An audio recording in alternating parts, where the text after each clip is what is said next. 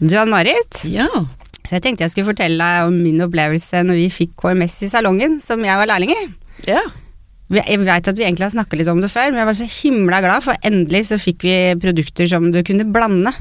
Og vi hadde en sånn, jeg hadde en favorittkurs som het Promling Gold, som er A- og B-komponent, som jeg blanda en liten skål. Ett eller to pump av hver. Så rørte jeg en skje, og så bare este det til sånn kjempestor, så nesten tøyt over begeret. Og hvis kunden hadde slitte spisser eller ødelagt striper, så kunne jeg blande opp litt magnesium. Var det litt sånn ødelagt hodebunn, kunne jeg blande litt oppi nefa. Altså, det var som å jobbe med ordentlig kjemi, da. Det var kjempegøy. Og ikke for å skryte av meg sjøl, men jeg er veldig god på hodebunnsmassasje. Så jeg masserte nesten alle sine kunder. Vi hadde fire frisører vi jobba for fast som assistenter når vi var lærling, da. Og så fikk jeg min første faste kunde og var superstolt. Han kom hver fredag klokka seks. Det var en han? Det var en han, ja. Ja. Han har i hvert fall 1,90 høy, svær, sånn litt sånn bola kar, vil jeg si. Mm. Kom noen ganger med blått øye og sånn lurte litt fælt. Hadde masse tusenlapper han betalte med. Og eh, tenkte ikke så mye på det, men så fant jeg ut, da, begynte å liksom lure på hvem han var. Han visste at han var en av Norges eh, mest kjente torpedoer. Nei! Jo, det syns jeg var ordentlig guffent. Men det aller verste var at hver gang han skulle gå, så han var så fornøyd, så løfta han meg opp, og så kyssa han meg opp først på høyre skinne. så på venstre skinne. Og mesterne mine de snudde ryggen fordi de syntes det var så ubehagelig å se på. Jeg fikk godt betalt og var veldig fornøyd med kuren, men kanskje ikke så happy med slutten på massasjen, da. Fortsatte han å gå hos deg etter du fikk greie på dette her, eller? Ja, ja. Ja. Han gikk hos meg i hvert fall et år, og Ja. så fikk han en sånn lang tur til Costa del Sol. Og da så jeg han aldri igjen. Det er Sikkert spikre noen paller eller noe, tenker jeg. Ja, skulle nok det, ja.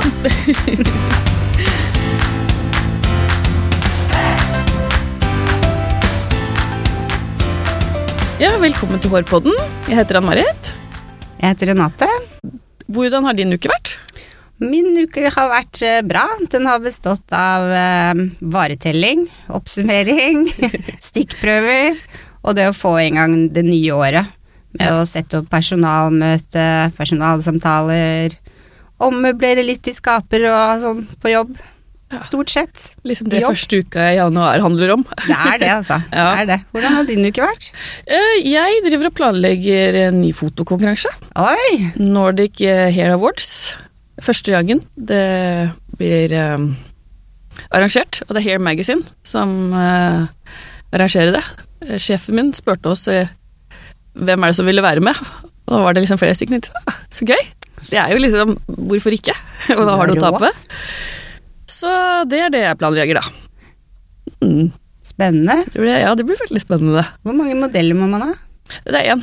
Det er én, ja. Det er en, ja. En modell med to forskjellige vinkler. Så to forskjellige frisyrer, eller vinkling på To, frisyr? samme frisyren, men to forskjellige vinkler. Å, så gøy! Ja, det blir veldig, veldig gøy. Ja.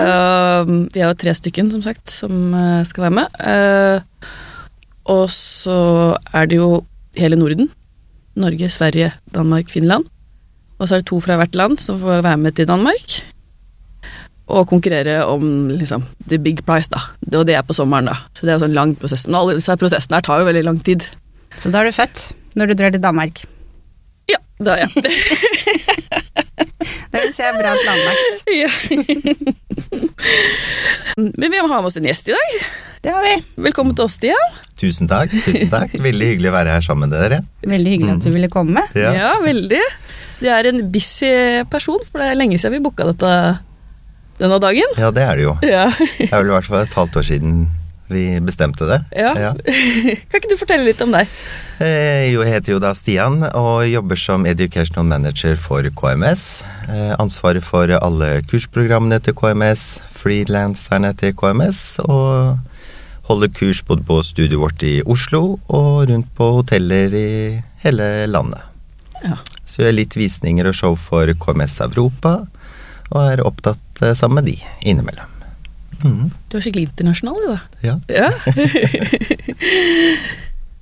Eh, vi har jo et hovedtema i dag, som er historien om eh, KMS. Kan ikke du- Spennende. Ja.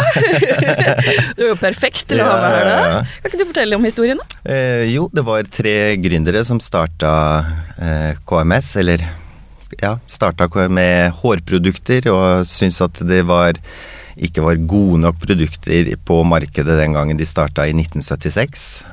Eh, og mente at frisører eh, fortjente bedre produkter å jobbe med. Og som du sa i stad, var det man blanda og røra, og man var jo følte seg som sånn kjemiker, Og jeg elska det. Følte meg så proff. Ja. og da eh, het KMS ut fra navnet deres.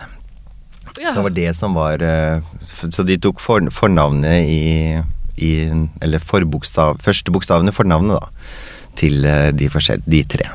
Men Jamie Masotta var vel egentlig han som opprinnelig starta det, så fikk han med seg to investorer med på laget, da.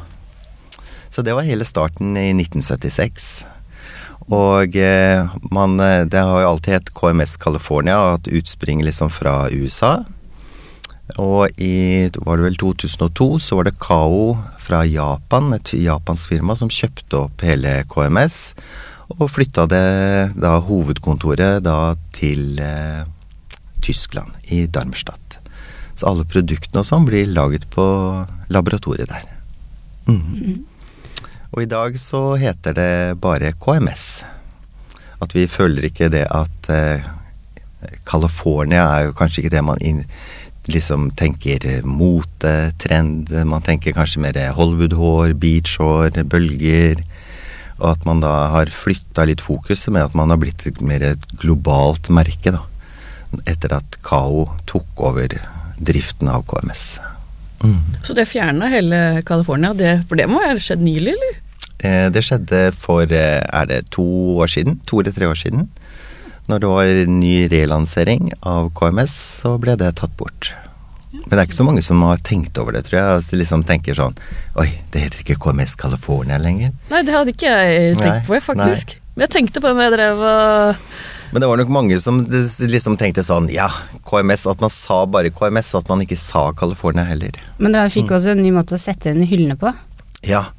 Det blei en ny struktur på alle produktene med at alt blei plassert i start, style og finish. Jeg tror jeg tenkte jo- mer på det, faktisk. Ja, ikke sant? Når det, det kom dit. Ja.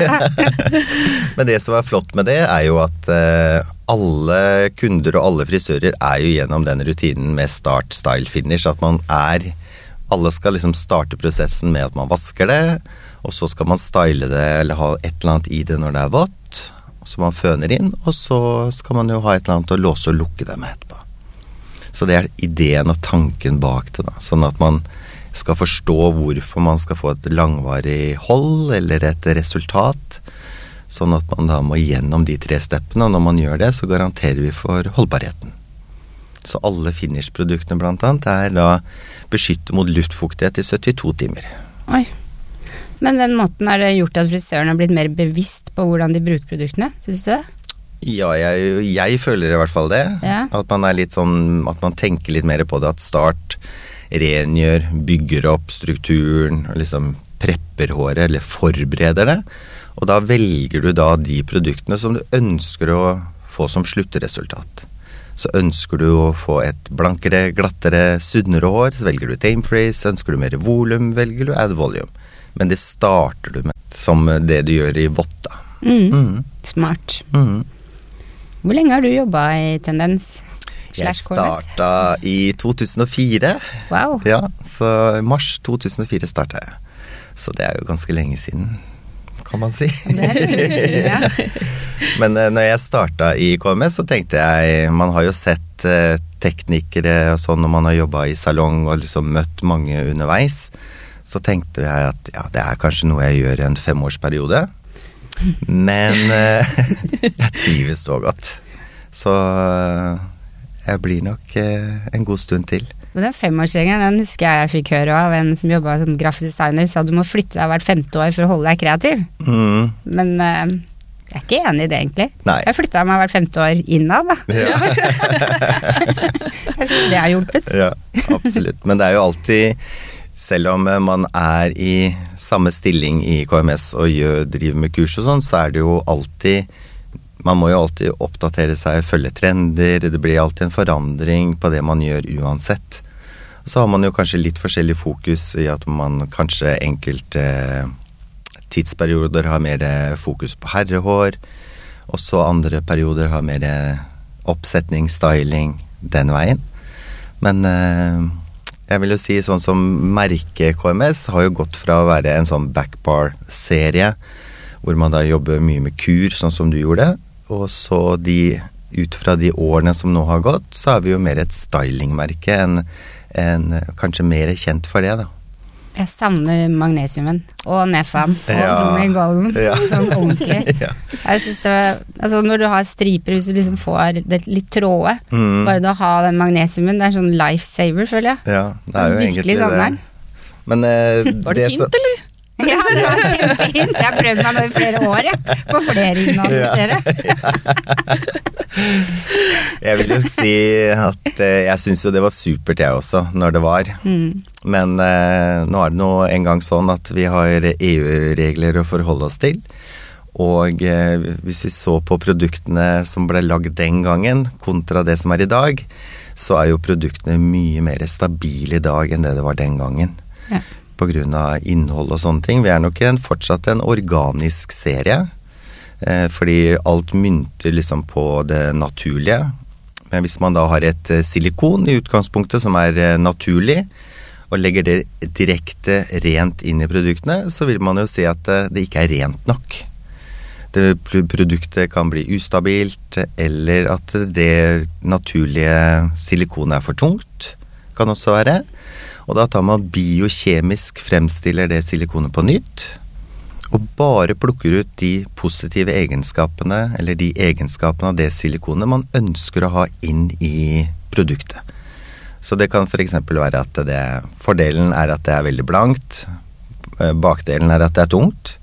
Så biokjemisk fremstiller man bare den blanke delen ut fra det naturlige silikonet. Ja. Mm. Og da får man lettvektssilikoner. Som man da kan bruke i produkter som allikevel er lett å vaske ut og sånne ting. Mm. Så det er ganske spennende. Eh, når jeg da, etter at i 2002, når eh, Kao tok over eh, driften av eh, KMS, så har de jo eh, Husker jeg ikke hvor mange det er kjemikere der, men det er ganske mange som jobber på laboratoriet i Tyskland. Og de sitter bare og utforsker nye produkter, ny teknologi. Og da få lov til å være med i prosessen på relanseringer og utvikling av nye produkter, så har jeg vært kjempeheldig. Som har fått lov å komme så dypt inn i produktene. Mm, kjempespennende. Ja. Ja, Hva, det, hva vil du si er det, det som gjør KMS spesielt? Det som er eh, kanskje det mest unike, er at vi eh, alle, eller de, de fleste vet jo at, det, at man bygger på proteiner for kjemisk skada hår og fuktighet for naturlig tørt. Det er nesten en sånn gjengs eh, som man alle snakker om. Eh, og teknologien til eh, KMS bygger på egentlig to syrer. Så det er eh, en eplesyre og en melkesyre. Som Oi. er to helt naturlige ingredienser i utgangspunktet. Så da har man lactic acid og malic acid som bygger opp og bonder seg. De er separat i produktene, og når de kommer, blir ført inn av et transportsystem inn i håret, så bonder de seg sammen og gir en svelling i håret, sånn at håret føles fyldigere og helere. Så det er en helt ny måte å tenke oppbygging av hår på Ja. i forhold til mange av de andre leverandørene på markedet i dag. Og eh, jeg vil jo ikke si at noen av de andre leverandørene har dårligere produkter, men man jobber på forskjellige måter. Mm. Så da eksempel den serien hos oss som heter Moist Repair, så ligger det jo i navnet at den både denne teknologien, både i fuktighet, for den klarer ikke å skille mellom om håret er kjemisk skada eller naturlig tørt. Men den klarer bare å feste seg til håret der håret er skada. Mm. Så håret vil ikke bli tungt, altså. Så da, den bare reparerer det den skal, og det er det? Mm. Det er Ja. det. Mm. Oi, ja det er ganske unikt. Men jeg fikk eh, tips en gang jeg, angående den der eh, sprayen Mm. i Moisture Repair. Ja. For den har aloe vera i seg, så hvis man liksom hadde med den på stranda og var litt lettere rød i huden, så Mhm. kunne man spraye den på huden, var ikke noe skadelig og ville dempe litt den Mm. Det stemmer. Ja. For Moisture Repair inneholder aloe vera og vanilje, som da er eh, eh, mykgjørende og pleiende. Så det stemmer. For det, det er en av argumentene mine når jeg selger til småbarnsforeldre. Mm. Som du trenger til å greie ut floker og sånn. At det også er bra, f.eks. når de er på stranda, da. Spraye det inn i Mm. Både hår og Og den ja, har jo at det også ikke er solfaktor. Tenk, det er med den. Da blir jeg saksøkt. Men at det kan være en, en Ja. fin å bruke der og da, liksom hvis skaden først er Men den har UV-beskyttelse i seg. Mm. Så det vil også ha en fordel sånn sett. Men UV-beskyttelsen der er jo beregna for håret. Ja. For det er jo sånn med små barn, de har jo på seg sånne strandluer, men Mm. strålene går likevel gjennom. Mm, Så det kan være lurt for foreldre å ha den spraye på under hatten. Ja. Så alle Liv In-produktene, sånn som i Moisture Pair og i eh, Ad Volume, har UV-beskyttelse i seg. Genialt. Genialt. Hva er din passion? Oi, min passion er vel eh, Jeg regner med at du tenker innenfor fag. Ja. Men eh, jeg må si jeg er litt sånn svak for langt hår. At jeg syns det er veldig, veldig gøy. Eh, styling eh, av langt hår. Eh, hvordan man kan omforme, lage ny struktur på håret. Det er kanskje det jeg syns er utrolig gøy. Man kan gjøre så store forandringer uten at det har så store konsekvenser for den kunden man har i stolen. Mm. Bare med det å style det rufsete og stort, eller om man tar det helt ned og renpolerer det og slikker det bakover, så blir det jo helt to forskjellige uttrykk i hvordan man ser ut. Som kan gjøre store forandringer. Det er som Ann-Marit, altså. Det er langt hår. Ja. Det er gøy. Du holder jo kurs sammen med sjefen min, du. Len Mhm. Windsjø. ja, Ja, det har jeg gjort en del ganger. Ja. Mhm. ja, det har blitt noen år òg, har det ikke det? Ja. Og hun er jo også veldig glad i langt hår. ja, Ja. det er jo Ja. absolutt. Så hun er eh, en som eh, vi har tatt inn på litt sånn langtårskurs, faktisk. For å få litt sånn gjesteartister som kommer inn og bidrar inn til merkevaren KMS. Så får vi litt sånn eh, ny vinkling, litt annerledes tankesett og sånne ting. Og så følger vi med at vi får med alle våre ting som vi setter pris på, da. Med sånne produkter, at det er riktig påført og ja, at man bruker de riktige produktene underveis for å få det riktige resultatet. Har dere mange sånne gjesteartister, eller? Vi har eh, noen gjesteartister, har vi. Eh, vi har eh, For vi jobber jo litt sånn internasjonalt, så da har vi også noen gjesteartister utenfra. Sånn at når vi da var i Marbella i september, så hadde vi en gjesteartist fra England som var med. eh, Og var med og holdt kurs der. Vi har jo gjesteartister også i USA som har vært med både i Norge og, i, og holdt kurs for oss i Marbella tidligere år. Og så har vi noen norske gjesteartister. Og så har vi et, da et frilansteam som er fast, som er med. Ja, så da blir frilansene de blir liksom kalt inn, de er ikke fast ansatte, for å si det sånn. Nei, Det er, ja. de er ikke fast ansatte. Nei. Eh, Marbella, Mm. De også har jo pågått en stund. Ja, det har pågått i er det 16, 16 år, kanskje. Oi, det er såpass, ja. Ja, jeg tror det er eh, Hvorfor Marbella? Det starta vel eh, egentlig et annet sted. Jeg lurer på om det starta i Kypros eller noe sånt, ja, i utgangspunktet. Men tilfeldighetene sa at eh, man hadde bekjentskaper, og tilrett, at det var lettere å tilrettelegge det i Marbella med at man kjente noen som holdt til der. Og da var det lettere å gjennomføre kursene. Når man hadde noen kontakter på det stedet man kom, da. Men det har jo utvikla seg fra å være et lite kurs med noen ansatte, eller noen frisører som var på. Og når vi var i Marbella nå sist, så var det vel rundt 150 Oi, wow. som var på det kurset i Marbella. Ja, ikke Mhm. sant. Og er det hvert år, eller er det så mange som kommer hvert år? Vi har det, Nå har vi begynt å ta det annethvert år. Og dere har det, ja. Fordi det har blitt så stort, og det, krever mye organisering og planlegging for å gjøre kursene, da. Mm. Så da blir det annethvert år. ja Mhm. mm. Hvis det er ett show eller én visning du virkelig husker godt, hvilket er det? Og det tror jeg må være en visning vi hadde på Hotell 33 med Michael Crispell fra Canada i Ja, når var det? Er det kanskje ti år siden? Nei, ja. Rundt der. det husker jeg veldig, veldig godt. Eh, grunnen til det, at jeg husker det så godt, er kanskje fordi at vi hadde så mye rekvisitter og sånn på scenen. Vi hadde en sofa, vi hadde en utrolig bra koreografi med hvordan modellene skulle oppføre seg på scenen. At vi lagde på en måte et skuespill med modellene på scenen. Så de, de, de gikk selvfølgelig en catwalk sånn som man vanligvis gjør, og så ble de værende på scenen og spilte en rolle på scenen, da. Så kult. Mm. Så det husker jeg veldig godt. Og så hadde vi jo et jubileumsvisning på Fornebu, som jeg også husker veldig godt. Eh, For jeg synes det, og det var i kombinasjon da med at vi hadde både For Tendens, som eier distribusjonen av KMS, har jo også andre merkevarer. Så da gjorde vi et visning der sammen med Joico og KMS sammen. Som også var veldig gøy, husker jeg. Er det den Det er ikke høstkonferansen, det? Nei, det Nei. var for dagen før høstkonferansen så hadde vi en egen visning. Mm. Høstkonferansen liker jeg veldig godt. Ja, det er også Det var- veldig gøy. Det var ikke det showet som starta med hun som kom med masse sånne forskjellige farger på håret, og så viste hun seg fram, og så dro hun av seg parykken. Det er ikke det showet? Nei, det er det ikke. Nei. Det er noe du husker. Ja. Det var alle liksom, alle så på henne og bare 'oi, shit, sjekk det fargespillet der', og så har du fått til det', og sånn. Mm. Og så bare røsker hun seg på parykken. Ja. Jeg tror det var veldig mange som bare 'wow'. Nei, det var skikkelig gøy start. Kan man kalle deg en tekniker, forresten? Eller er du educator, eller Mm, man kan jo godt kalle det en tekniker, eh, men det er kanskje mer vanlig å kalle en, eh, en som jobber med farge, en tekniker.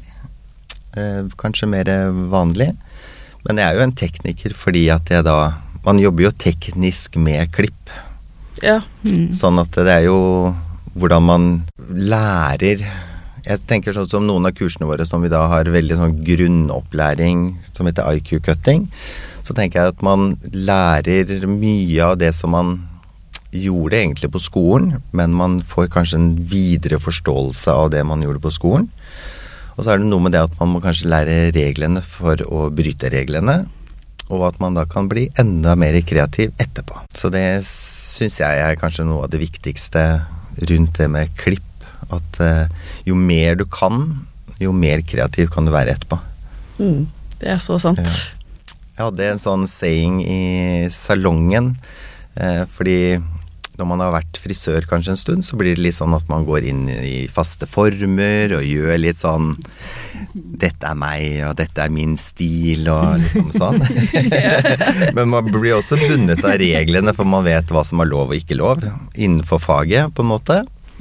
Eh, Men det jeg syntes var så befriende, var disse lærlingene man hadde i salongen. Så de pleide jeg å kalle young guns. For de skøyt fra hofta og var helt uredde og, og bare var kreative og 'Jeg vil gjøre sånn, gjøre sånn', og så tenkte jeg hm, ja, det er ikke sikkert går, men Men jeg må jo si at jeg har lært utrolig mye av de lærlingene også, fordi at de tenker og er uredde. Mm. De har liksom ikke de rammene som man kanskje fort kan komme inn i. Da.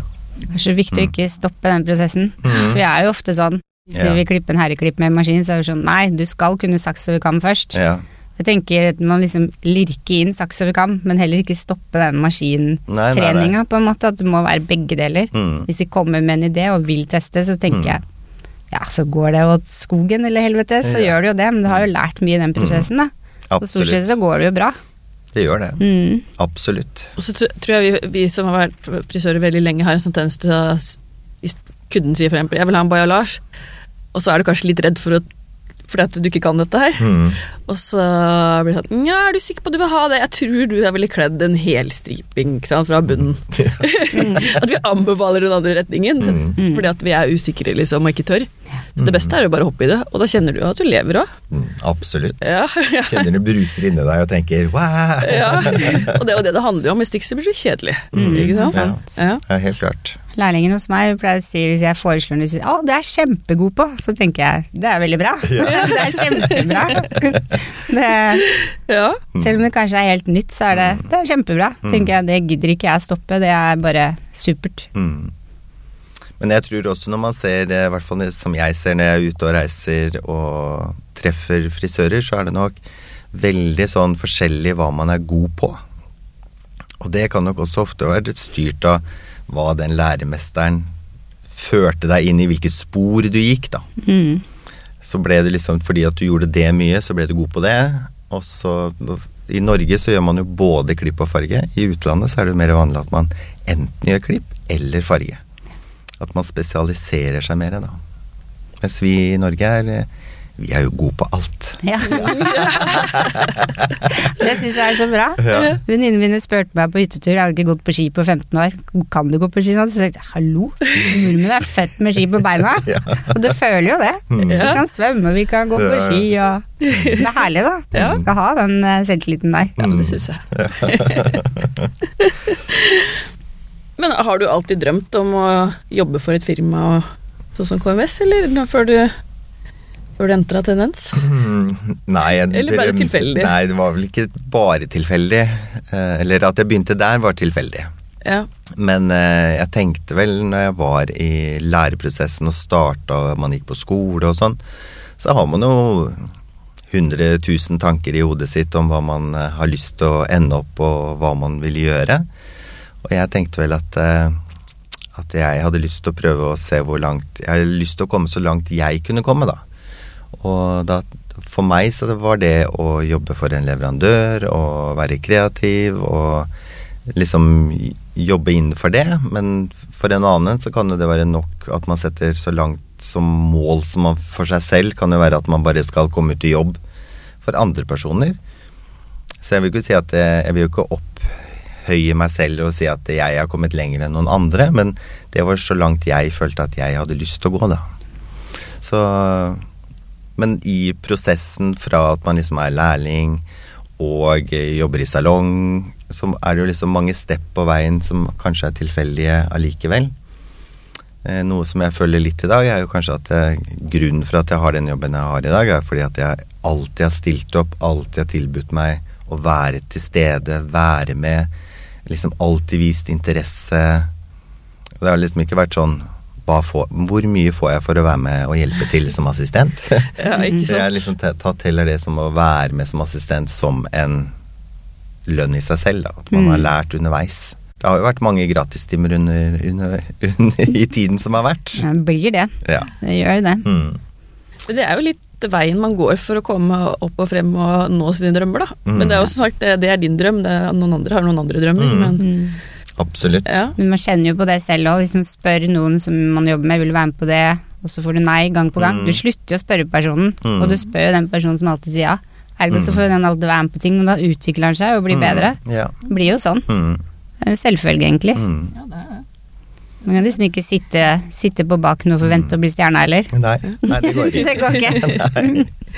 Og da begynte jeg i Da jobba jeg jo for Auster frisør, og så jobba jeg i Eller sammen med noen som het Hair Construction i Danmark, som Auster hadde et eh, kurssamarbeid med.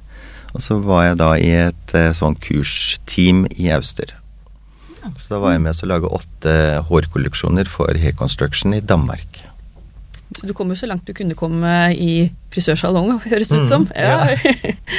Men eh, hvor lenge jobba du som frisør før du blei Da jobba jeg i 13 år som frisør. Ja, ikke sant. Savner du det? Jeg savner alltid den følelsen når du kommer på morgenen. Så var jeg alltid sånn at jeg planla dagen min og liksom sånn eh, Så igjen de kundene man hadde, tenkte hva kan man gjøre annerledes med de kundene, kan jeg fornye den? Ja. Man, for å liksom få så tette og effektive lister som mulig, da. Og da er det jo liksom når man ser på lista på morgenen og tenker Yes! Laila er tilbake! Jeg, fikk henne fornøyd! Ikke sant? Det er jo kjempegøy. Eller at du, du liksom ser de ansiktsuttrykkene på den kunden du har i stolen, hvor fornøyd de blir. Det er ikke alt man måtte si det med ord, man bare så det på de. Den godfølelsen man fikk da, den savner jeg jo litt. Det må jeg absolutt si. Men du, du får vel kanskje den på en måte når du ser ut i salen når du holder kurs.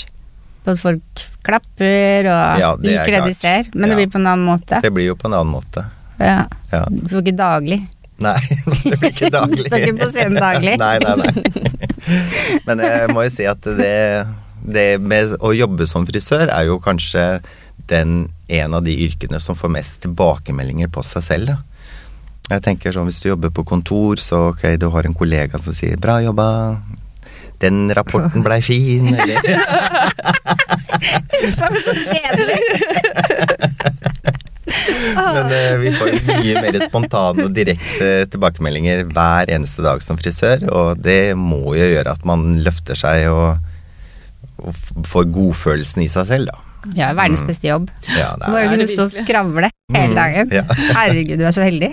Og så det tenker jeg det var egentlig ganske bra sagt, med at du kommer på morgenen, du ser lista di, så tenker du at alle disse her kommer fordi at de syns jeg er bra frisør. det er helt toppers. Ja, ja helt toppers, ja. Jeg starter med den i senga, jeg. For da går jeg inn på Fixit og blar opp lista mi Mm. Ja, hver morgen. Mm. ja, du gjør det? Ja. Ja, og begynner å planlegge. ja, da begynner jeg å planlegge. Og så må jeg sjekke har på fått det på nytt. Ja, men så gjør jeg det på bussen òg, sånn at i tilfelle noe har endra seg siden alt går på nett. Mm. Uh, Det er sant. mm. Det er også deilig med nettbestilling, at eh, en kveld kan være ja ja, ok, jeg har ikke helt fullt, og så dagen etterpå så er det fullt. I begynnelsen var det sjokk. Hæ? Ja. var det bare, Nei, Var ikke det var ikke sånn det. jeg planla det i går. Helt klart. Ja. Men eh, en ting jeg satt og tenkte på nå, du har jo nådd dine mål og det du vil uh, i, i denne bransjen. Mm. Har du nådd toppen, eller? Hva, er det noe mer å strekke seg til for deg? Ja, det er absolutt. Man kan alltid strekke seg for å bli bedre på det man gjør. Mange sier jo liksom sånn 'Stian, du virker så rolig før en visning eller show', eller Ja, du gjør det. Eh, Er du det? Nei, jeg er jo ikke det. Nei. Det Men kanskje på det positive er at eh, når jeg blir nervøs, så blir jeg rolig, kanskje. Men eh, man må jo alltid forberede seg godt til alle ting man skal gjøre. Eh, og jeg vet jo at noen, noen sier ja, men det ser så lett ut når du gjør det. Men det er jo fordi jeg har trent masse på det jeg gjør. Så man blir jo Det er jo ikke sånn tilfeldig at å, nå svinger jeg det rundt der, og så børster jeg det sånn, og så tuperer jeg. Så sitter det på første forsøk. Man har jo kanskje trent på det mange ganger i forkant. Og så kan man jo alltid bli utvikle de kursene man gjør, bedre. Alle fag og alle yrker er jo under utvikling hele tiden. Sånn at jeg tror på den måten man holdt kurs da i 2004, kan man ikke holde kurs på samme måte i dag. Fordi menneskene man holder kurs på, har også forandra seg. Og internett, teknologi, eh, kursene er nok mye mer interaktive enn det de var før. Så tenker jeg at eh, noen kurs trenger man kanskje ikke å komme på et studio for å være til stede på et kurs, selv om det lager en sånn fellesskap, og at man er sammen, alle som er frisører, og at man gjør mye positive ting sammen. da. At det er viktig, men kanskje noen kurs kan være på nett, at det er nettbasert, og at man da er og utvikler mer på sosiale medier og gjør andre ting. Så det har jeg starta litt med, at jeg har en hemmelig Facebook-gruppe. Jeg er medlem der. Ja, du er medlem. som heter Inspiration, som er en sånn gruppe med at jeg legger ut ting som jeg gjør sånn utenom, da. Det er så smart. Mm. Ja. Så jeg tenker at man kan nok alltid Jeg tror ikke man har Man kan ikke si at man har nådd toppen sin, tror jeg. For det at man hele tiden er i forandring. Det er litt sånn trist hvis man har nådd dobben. Mm. Ja, det er jo det. Ja. Da blir det Malaga eller Ja, noe sånt. Som med resten av nordmennene. Ja. Men du, jeg lurer på en ting. Går du på sånn train the trainer-kurs? ja, liksom- jeg gjør nok på en måte det, Ja, jeg også. For dere må jo ha det, dere òg. Mm. Det er jo et eh, Alle landene i, i Europa har jo en educational manager for sitt område. Og vi møtes jo av og til. Og utveksler ideer og tanker. Pluss at vi får også en del ideer og tanker og innspill fra KMS. Men eh, det som jeg syns er utrolig bra med KMS når de leverer noe globalt, er at de sier her har du 80% av programmet, og så må man lage de siste 20 selv. For å tilpasse seg sitt marked og sitt land, da. Så, men det å ha et team i Europa hvor man kan spille inn ideer og tanker og utveksle ideer og sånn, det er veldig, veldig positivt. Så vi har, nok, har en sånn train the trainer. Ja, smart. Mm. Jeg husker når du snakker om noen som reiser rundt. Det var en som eh, jeg var på kurs med hos dere. Det er ganske mange år siden. Men for oss så tror jeg det var ganske revolusjonerende, for han reiste rundt i verden og intervjua kundene for å finne ut hva kundene likte best med å gå til frisøren, og hva de Mhm. likte minst. Ja. Og det jeg husker, det var litt sånn Det var det der hodebunnsmassasjen og den vasken. Mm. Og på det tidspunktet så var det noe hvis du var forsinka, så var det noe du bare Da vasker jeg bare én gang. Mm. Så da tok du liksom det beste bort fra kunden. ja. Og så var det det at de ofte ville se ut som oss, og vi gjør kanskje ikke så ofte så mye med håret, men vi fønte kundene så de så ut som svære lampeskjermer. Når de gikk ut, de så i butikken og om nei, glatt av det, sant. Og det, det gjorde noe, husker jeg i hvert fall med meg, og det ser jeg på kollegene mine òg. Altså det skjer jo aldri at du hopper over vasken, eller, eller at du ikke vasker to ganger og masserer tre til fem Mm. minutter, uansett om du er kul eller ei. Mm. Og jeg føner ikke lampeskjerm med mindre jeg blir bedt om det. Nei, ikke Så sant. Ja. det var et viktig kurs for bransjen. Mm. Føler jeg, da, i hvert fall. Mm. Mm. Det var Jeff Saylor som holdt eh, Som var programutvikler i KMS fra California. Som reiste rundt og holdt disse intervjuene med folk på gata. Og det var, fikk jo samme svar stort sett i alle land. Mm, jeg gjorde det. Mm. Og det er lenge siden. Ja, det er lenge siden. Nei, det var et bra kurs. Det er veldig. Mm. Hva tenker du om netthandel? Netthandel, det er jo alltid spennende. Ja. Ja. Det spørsmålet får du sikkert ofte, tenker jeg. Ja. Netthandel er nok eh, kommet for å bli. Men eh, vi som leverandør kan gjøre det som står i vår makt for at det ikke skal skje. Eh, vi på Tendenshuset er eh, ikke fan av netthandelen. For vi ønsker å styre Ikke styre, det hørtes Ha oversikt over hvor produktene våre går til enhver tid.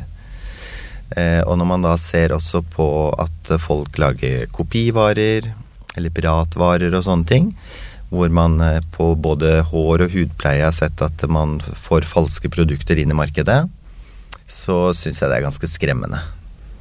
På hva som puttes inn av kjemi inn i produktene, som både kan skade hår og hud i utgangspunktet. Så føler jeg at alle forbrukere også fortjener en eh, lojalitet til produktene, hvor at vi som leverandør gir den lojaliteten. At de, de skal være sikre på at de har kjøpt et ordentlig produkt når de betaler penger for varene som de får. Eh, dessverre så fins det noen kan godt kalle det uærlige, eller leverandører, eller også fra våre merker rundt om i verden, som selger produkter inn på eh, det svarte markedet, eller den netthandelmarkedet. Som da eh, nettbutikker får tak i varer og selger det ut. Men vi ser i hvert fall fra våre leverandører på KMS og Joico, som er de to største varemerkene våre, at de sliter med å få tak i varer Ja, de gjør det. fra oss. Ja. Og selv om det da står i nettbutikken at eh, disse varene kan du kjøpe her, så er det veldig ofte For vi sjekker jo vår tilgjengelighet av våre varer i nettbutikker. Vi bestiller opp og sånn, og da er det utrolig mange varelinjer de er utsolgt for. Og det gleder oss. Ja. Vi klarer å holde en stram eh, tak rundt våre egne produkter. Og at vi tilbyr det Vi har jo sagt at vi bare skal tilby våre produkter til det profesjonelle markedet, som er frisørene. Og at man skal få veiledning når man kjøper et produkt. Det er jo lurt. Mm. Ikke kunne få en dårlig opplevelse med Mm. merkene deres. Mm. Jeg, jeg har faktisk opplevd at kunder har handla på nett, Mm. og så har de liksom Ja, jeg prøvde den, og den var ikke, var, virka ikke noe bra. Mm. Og så er det et produkt som egentlig passer bra til den personen. Mm.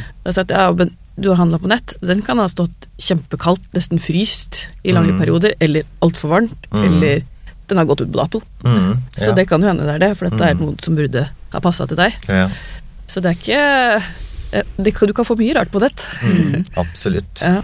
Så, men det er veldig gledelig å høre at dere har så god oversikt over Mm. produktene deres. Vi, vi lo, har i hvert fall lovt oss selv at vi ikke skal levere fra vårt lager til noen nettbutikker. Men det kan jo av og til si at en trailer krasjer, da. Så kan det jo være da at eh, den transportselskapet selger sine varer, de gode varene som er igjen som ikke er ødelagte f.eks., at de selger de ut, og så får nettbutikker tak i det. Eller at det fins noen eh, rundt i andre land. Og f.eks. produkter som er beregna på det amerikanske markedet, er jo ikke lov å selge i Europa eller innenfor EU-markedet. Så vi ser jo også det at eh, vi får av og til i nettbutikker når vi bestiller varer, at det kommer utenlandske varer fra USA inn, og da rapporterer vi det inn, og da må de tas ut av nettbutikken.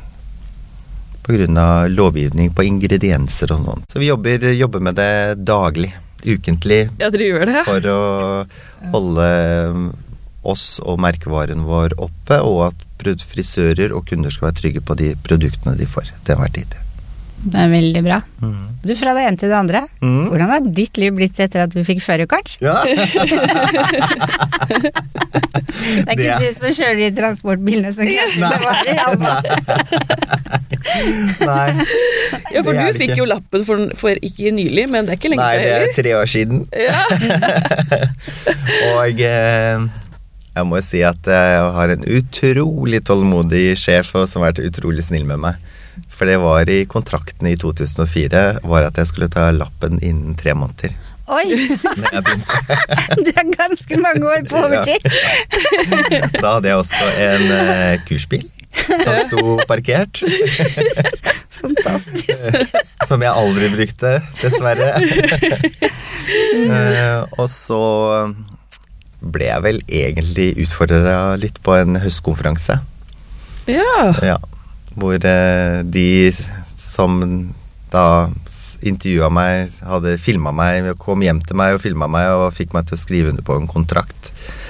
Hvor jeg måtte da underholde eller holde et kurs i hotpants på neste høstkonferanse hvis jeg ikke hadde tatt lappen innen et år, da. Vet du, det husker jeg Mm, faktisk. ja.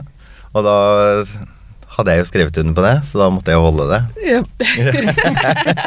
Så da var jeg Ikke hotpants, altså. Nei, nei, nei. Så da var jeg ikke sein om å ta lappen.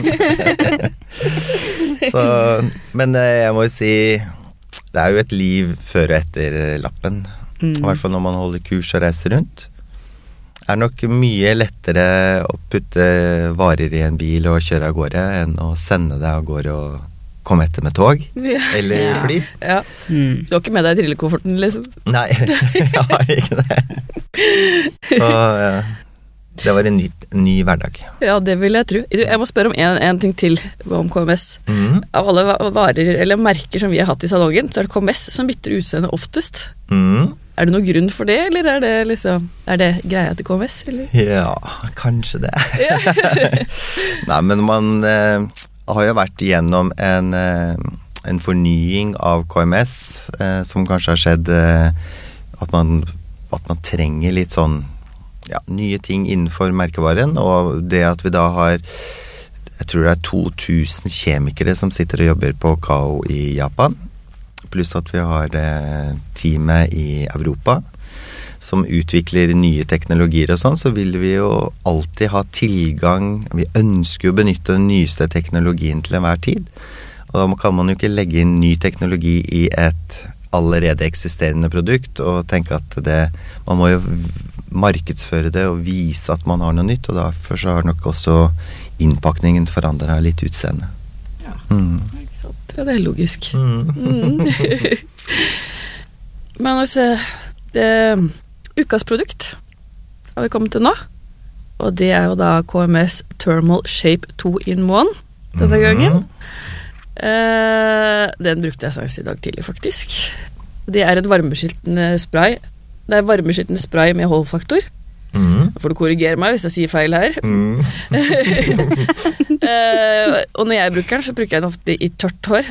Og rundbørste rund, meg. Jeg har sånn elektrisk rundbørste. Mm. For da får jeg liksom litt hold, og den tover seg ikke like lett, da. Nei. Så den eh, Den blir ofte brukt til det. Eh, og jeg har, bruker den veldig ofte på å reise, for det fins i reisestørrelser òg. Mm. Så når jeg bruker den, så får jeg litt sånn der, eh, litt sånn der feriefølelse, nesten. det er den lukta. Så er det en veldig sånn praktisk sånn twist eh, åpning på toppen, sånn at man alltid har den beskytta hvis man har den i veska eller på reise. Ja, Mm. den lekker ikke. Det er helt Den sant. ikke, nei. Så den anbefales virkelig. Mm. Mm. Har, har du noe å tilføye på den? Eh, at du sa det var varmebeskyttelse, og at den hadde hold. Men det viktigste, tror jeg, for eh, Thermashape-serien er nok at det er en varmeomformingsteknologi som gjør at du former om håret ditt raskere. Og den teknologien klarer jo ikke å skille mellom om du krøller det eller eh, strekker det ut. For det er en varmeomforming å strekke det også.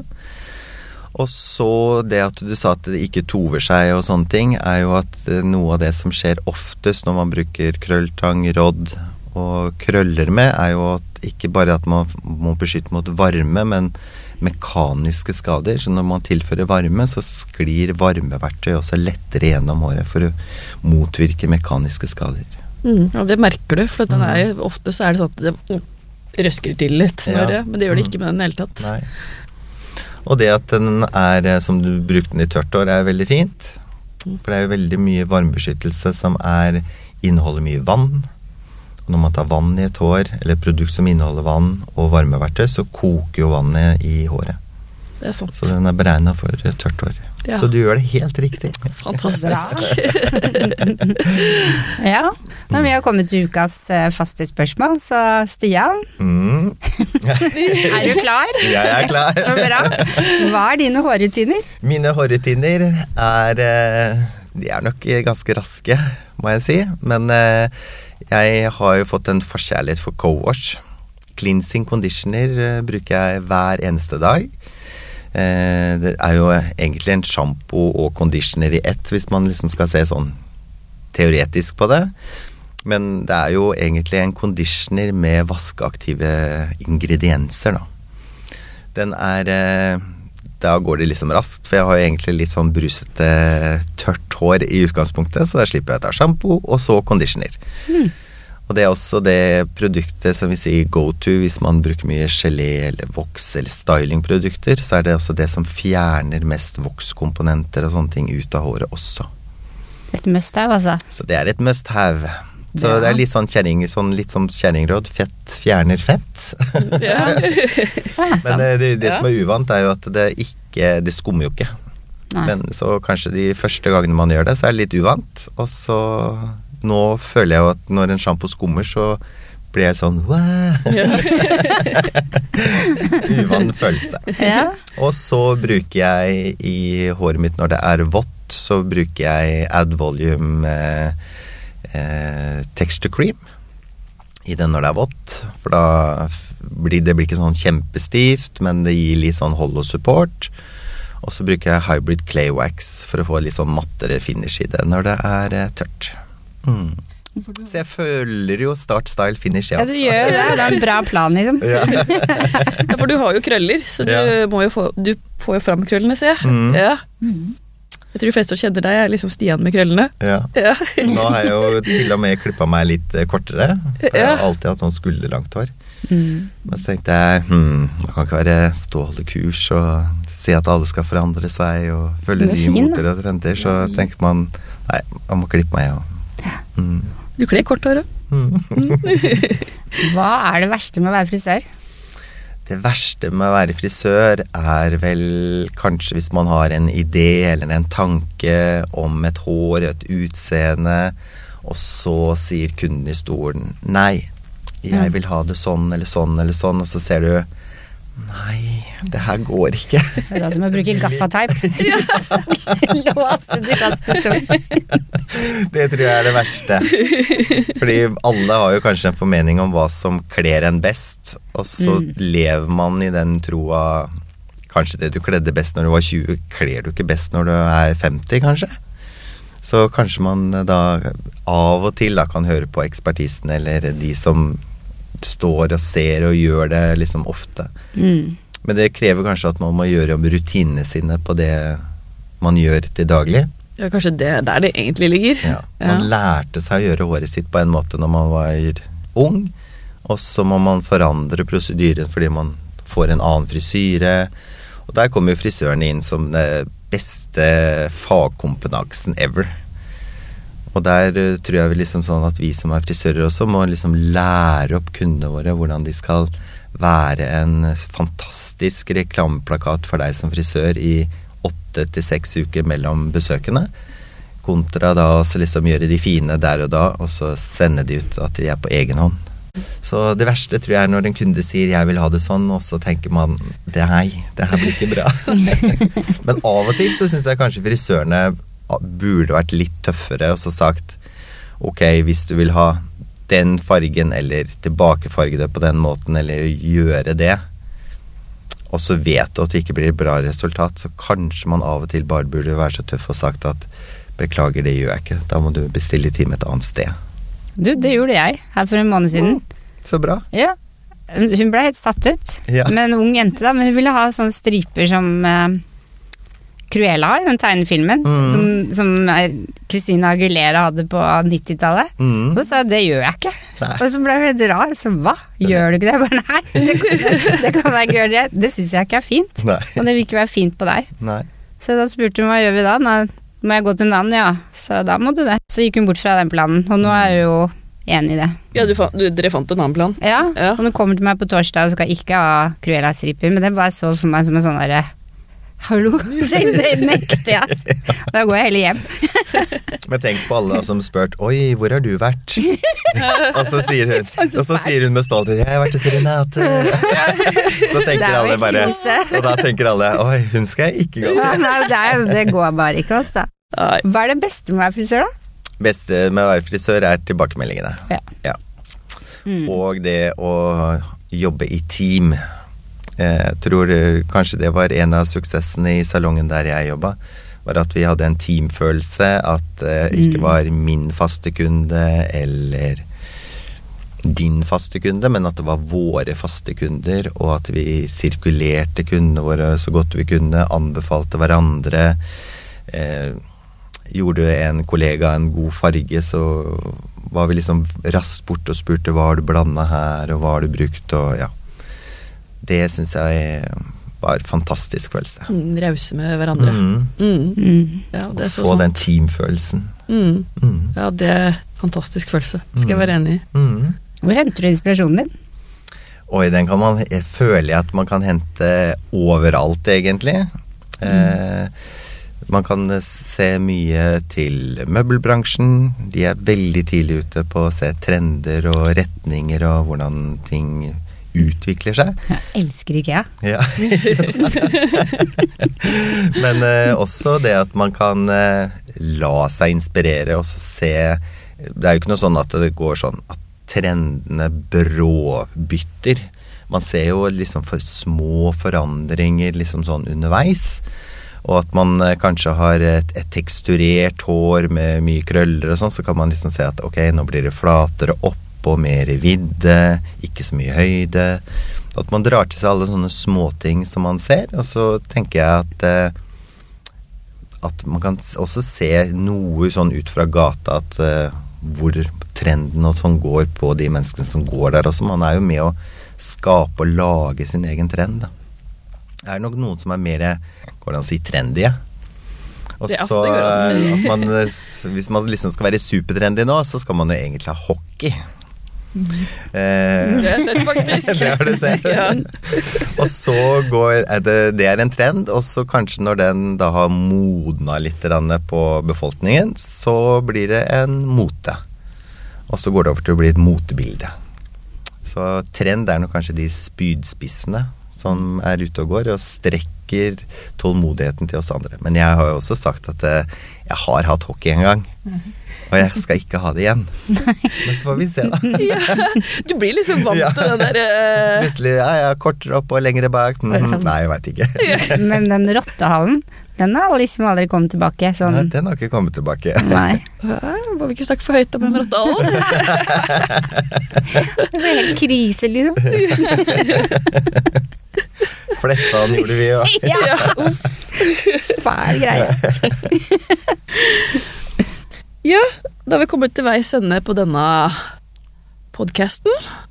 Takk for at du kom til oss, Stian. Mm, takk for at jeg ble invitert. Utrolig hyggelig å hilse på dere og være Se menneskene bak podden og komme hit og besøke dere. Veldig hyggelig at du kom. Mm. Absolutt. Og så får vi takke Studio Alf for at vi kan på det, kan dere jo gjerne gi oss stjerner på iTunes. Det hadde vi blitt veldig glad for. Det er Masse stjerner på iTunes. Ja, masse Må stjerner. Helst masse stjerner. må ha Masse stjerner. Ja. Har du lyst til å gi oss én, så la være. Og så høres vi neste uke. Det gjør vi. Ha det! Ha det. Ha det.